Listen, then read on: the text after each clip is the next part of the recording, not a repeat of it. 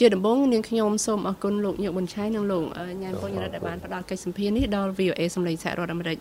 នាងខ្ញុំសូមជម្រាបសួរលោកញឹកប៊ុនឆៃដែរថា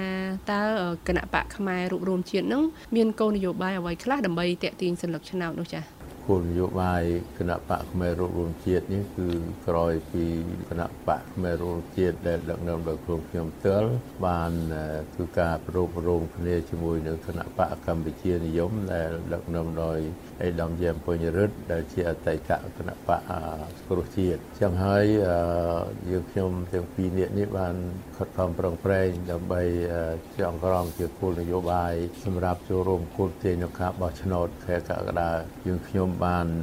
សម្រាប់សម្រាំងយកគោលនយោបាយអធិភាពទាំងអស់9ចំណុចទី1ចាស់ចាស់ពីអាយុ65ឆ្នាំឡើងទៅនឹងអាចទទួលបានការឧបត្ថម្ភថវិកាយ៉ាងតិច100,000រៀលក្នុងមួយខែហើយទី2កម្មករនឹងគឺ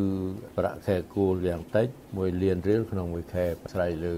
ការដែលយើងបានធ្វើពុករយឬក៏ប្រមូលថវិកាជាតិឲ្យបានច្រើនកំណើនសេដ្ឋកិច្ចទៅជាដើម ពលរដ្ឋខ្មែរព្យាបាលជំងឺគ្រប់ប្រភេទនៅមន្ទីរពេទ្យរដ្ឋបង់ថ្លៃ10000រៀលបាទគោលនយោបាយនេះគឺ ជាគោលនយោបាយថ្មីសម្រាប់យើងខ្ញុំដែលពីមុនយើងមិនធ្លាប់បានមានដើម្បីយកមកប្រើនៅក្នុងពេលឃោសនាបោះឆ្នោតទេហើយទី2គឺយើងនឹងធ្វើការអភិវឌ្ឍមន្ទីរពេទ្យរដ្ឋរបស់យើងនោះឲ្យទំនើបបានន័យថាយើងនឹងពំពាក់ទាំងគ្រឿងម៉ាស៊ីនឬក៏ឧបករណ៍យើងនឹងពង្រឹងរាងសមត្ថភាពគ្រូពេទ្យរួមទាំងក្រុមសិលធម៌របស់គ្រូពេទ្យផងហើយចំណុចមួយទៀតគឺពាក្យពិនកសិករ តម្លៃស្រោតទាបបំផុត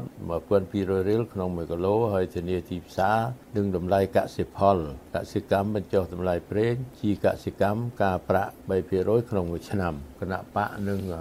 បាត់ព្រំដែនមិនអោយទំនិញដែលមានជាពិសេសពាក្យពន្ធក្នុងម្ហូបអាហារដែលមានសារធាតុគីមីនឹងចូលទេពីប្រទេសជិតខាងហើយលើកទឹកចិត្តដើម្បីឲ្យប្រជាពលរដ្ឋយើងនឹងធ្វើការដាំដុះឬក៏ចិញ្ចឹមអីដោយខ្លួនយើងគណៈបកខ្មែររួបរวมជាតិក្រសួងឬក៏រដ្ឋមន្ត្រីដែលទទួលខុសត្រូវខាងទីផ្សារសម្រាប់លក់កសិផលឬទំនិញពីកម្ពុជានឹងនឹង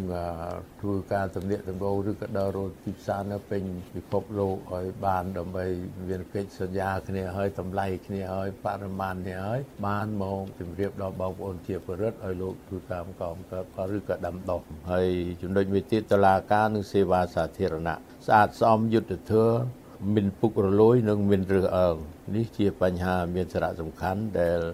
គណៈបកផ្មេរួមរួមជាតិយកចិត្តទុកដាក់ធ្វើយ៉ាងណាឲ្យការអនុវត្តច្បាប់នោះឲ្យស្មើមុខគ្នាមិនថាអ្នកមានអ្នកក្រអ្នកទូចអ្នកធំអីបច្ចុប្បន្ននៅមានការរើសអើងហើយជាបញ្ហា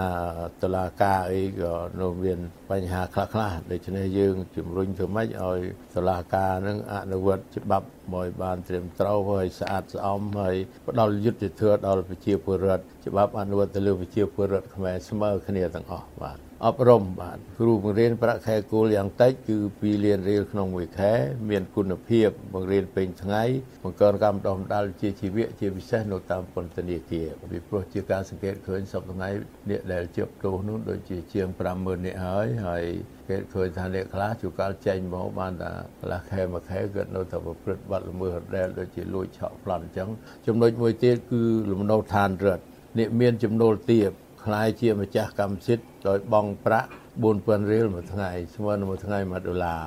ចំណុចនេះគឺដើម្បីជួយជាពិសេសគឺបងប្អូនកម្មករដែលសប្តាហ៍ថ្ងៃមកពីតាមបណ្ដាខេត្តមកធ្វើការនៅរោងចក្រនៅភ្នំពេញទៅគាត់ចូលផ្ទះគេភូមិឃុំមានសុវត្ថិភាពគ្មានលបែងស៊ីសងគ្មានគ្រឿងញៀនទទួលថវិកាយ៉ាងតិច50ម៉ឺនដុល្លារក្នុងមួយឃុំសង្កាត់ក្នុងមួយឆ្នាំ បង្កើនការងារជាង1លានកន្លែងទូទាំងប្រទេសគណៈបកផ្នែករូបរួមជាតិឈ្នះឆ្នោតដឹកនាំរដ្ឋាភិបាលរូបរួមជាតិនឹងយើងនឹងទម្លាក់ថវិកាជាតិនឹង50ម៉ឺនដុល្លារក្នុងមួយឃុំសង្កាត់ក្នុងមួយឆ្នាំបច្ចុប្បន្នរាជរដ្ឋាភិបាលនឹងទម្លាក់ថវិកា 100000ឬក៏កន្លែងខ្លះជាង100000នោះទៅឃុំសង្កាត់រចនាសម្ព័ន្ធផ្លូវមានស្ពានមានអីវាច្រើនហើយប៉ុន្តែនៅជនបទភូមិឃុំនោះវាមានបញ្ហាមួយចំនួនហើយចឹងពីអាម៉ាណាត់មួយអាណត្តិនោះគឺយើងវានៅខ្សោយនៅឡើយថាវការសម្រាប់ទៅធ្វើការអភិវឌ្ឍអញ្ចឹងគណៈបកផ្នែករួមរួមជាតិនោះមានគោលនយោបាយថាយើងទៅអភិវឌ្ឍពីជនបទតម្លងមកដើម្បីរុញមកខាងទីក្រុងវិញហើយគ ការបង្កើនការងារវិលានកន្លែងទូទាំងប្រទេសហ្នឹងគឺជាពិសេសគណៈបកផ្នែករួមជាតិនឹងធ្វើយ៉ាងណានៅពេលដឹកនាំរដ្ឋាភិបាលហ្នឹងគឺយើងនឹងធ្វើការទំនាក់ទំនងជាមួយសហគមន៍អឺរ៉ុបជាមួយអាមេរិកនឹងពាក្យពន្ធនឹងការអនុគ្រោះពន្ធអញ្ចឹងនេះជាគោលនយោបាយហើយចំណុចចុងក្រោយគឺពាក្យពន្ធនឹងអន្តរប្រវេសអនុវត្តច្បាប់ស្តីពីអន្តរប្រវេសនឹងឲ្យតឹងរឹងច្បាប់យើងមានហើយបញ្ហាជនតវេគឺថាដែលនៅក្នុងប្រទេសកម្ពុជាយើង គឺគណៈបកខ្មែររដ្ឋជាតិនឹងពិនិត្យនឹងដោះស្រាយបញ្ហានេះអ្នកណាដែលមករស់នៅដោយស្របច្បាប់ត្រឹមត្រូវយើងស្វាគមន៍នាងខ្ញុំសូមជម្រាបសួរទៅលោកយ៉ែមពុញរិទ្ធដែរថាការពីបោះឆ្នោតជ្រើសរើសក្រុមប្រឹក្សាគុំសង្កាត់អាណត្តិទី5 2022កន្លងទៅនេះលោកជាប្រធានគណៈបកកម្ពុជានិយមក៏ប៉ុន្តែហេតុអីក៏នៅពេលបោះឆ្នោតជ្រើសតាំងតំណាងរាស្ត្រអាណត្តិទី7នេះលោកបានចូលរួមនយោបាយជាមួយគណៈបកខ្មែររួបរวมជាតិទៅវិញចា៎ ការរួបរวมគ្នាជាបំណងជាឆន្ទៈរបស់ប្រជាប្រដ្ឋដែលលោកចង់បាន ហើយការរួបរวมគ្នានេះធ្វើយើងនឹកឃើញទៅដល់ការរួបរวมកាលពី2012ហើយ10ឆ្នាំក្រោយមកយើងឃើញថាមានការរួបរวมគ្នាជាថ្មីឡើងវិញមួយទៀតហើយការរួបរวมគ្នានេះពីព្រោះយើងផ្ដល់ក្តីសង្ឃឹមថ្មីមួយជូនដល់ប្រជាពលរដ្ឋជាជំរើសថ្មីមួយថាអតីតអ្នកតស៊ូដោយអេដាមញឹកបញ្ឆៃលោកតស៊ូតាំងពីយុវវ័យរហូតដល់ពេលបច្ចុប្បន្នពីទសវត្ស70 80ហើយខ្ញុំនៅខាងគណៈបកប្រជាធិបតេយ្យសេរីស្ដាំនិយមនៅខាងបៃតសង្គម គមជាតិដូច្នេះការរួបរวมគ្នានេះគឺជាលទ្ធភាពមួយដែលជំរុញឲ្យគណៈបកផ្នែករួមជាតិនឹងកាន់តែមានស្ទុះការគ្រប់គ្រងកាន់តែខ្លាំងឡើង ការដែលគណៈបកកម្ពុជានិយមចូលមករួបរวมជាមួយគណៈបកខ្មែររួបរวมជាតិនឹងសមាជិកសមាជិកាទាំងអស់មកចូលរួមទាំងអស់គ្នាឬក៏តែផ្នែកណាមួយឬក៏យ៉ាងម៉េចទេលោកចា៎គឺយើងមកចូលរួមទាំងទាំងអស់គ្នាទាំងក្រុមដឹកនាំទាំងសមាជិកក៏ប៉ុន្តែយោងទៅតាមផ្លូវច្បាប់យើងត្រូវមានអ្នកចាំផ្ទះយើងប្រើពាក្យថាអ្នកចាំផ្ទះគណៈបកកម្ពុជានិយមមួយចំនួនក្រៅពីនោះយើងបានមករួបរวมគ្នាជាមួយគណៈបកខ្មែររួបរวมជាតិ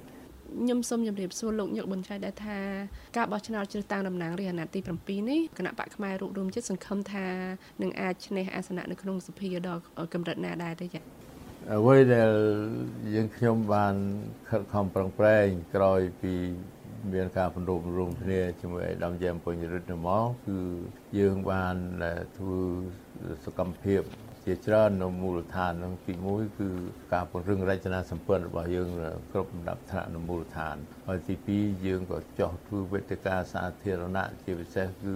ជំរាបដល់ប្រជាពលរដ្ឋដូចសមាជិកដែលនៅមូលដ្ឋានស្ដែងពីការរករោមគ្នានេះហើយ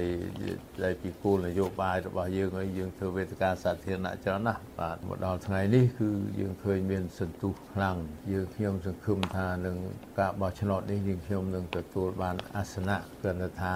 មិនទាន់អាចប្រកាសថាប្រមាណឲ្យវាចំជាតួលេខទេប៉ុន្តែគឺធំច្រើនមែនទែនដែលតាមអ្វីដែលជាការដែលខ្ញុំហើយថ្នាក់ដឹកនាំទាំងអស់គ្រប់ដាប់ថ្នាក់នឹងនាំគ្នាចុះមូលដ្ឋានរហូតណាព្រោះឥឡូវក៏កំពុងតែចុះដើម្បីចែកខិត្តប័ណ្ណគូលនយោបាយដោយសារថាគណៈបកសង្គ្រោះជាតិនឹងក៏បានត្រូវដុល្លារការលាតោហើយគណៈបកភ្លើងទៀនចុងក្រោយនេះក៏ប្រឈមនឹងបញ្ហាផ្លូវច្បាប់មិនក៏មិនអាចចូលរួមការបោះឆ្នោតបានទៅហើយទៅជាឱកាសមួយដែលបងប្អូននឹងអាចនឹងថាដោយសារតែធ្លាប់ស្គាល់គ្នាដោយសារតែធ្លាប់ ធ្វើការជាមួយគ្នាអីក៏បានសម្រេចចិត្តភាកច្រើននឹងគាត់ជួយគ្រប់គ្រងដល់គណៈបកខ្មែររួមជាតិនៅក្នុងនោះដែរលោកញ៉ែមពងរដ្ឋបន្ទាប់ពីលោកបានចូលរួមធ្វើការឃោសនាជាមួយគណៈបកខ្មែររូបរូបវិជាតិកន្លងមកនេះលោកគិតថាសន្ទុះនៃការគ្រប់គ្រងនឹងអាចធ្វើឲ្យគណៈបកខ្មែររូបរួមជាតិនឹងទទួលបានអាសនៈនៅក្នុងសភានឹង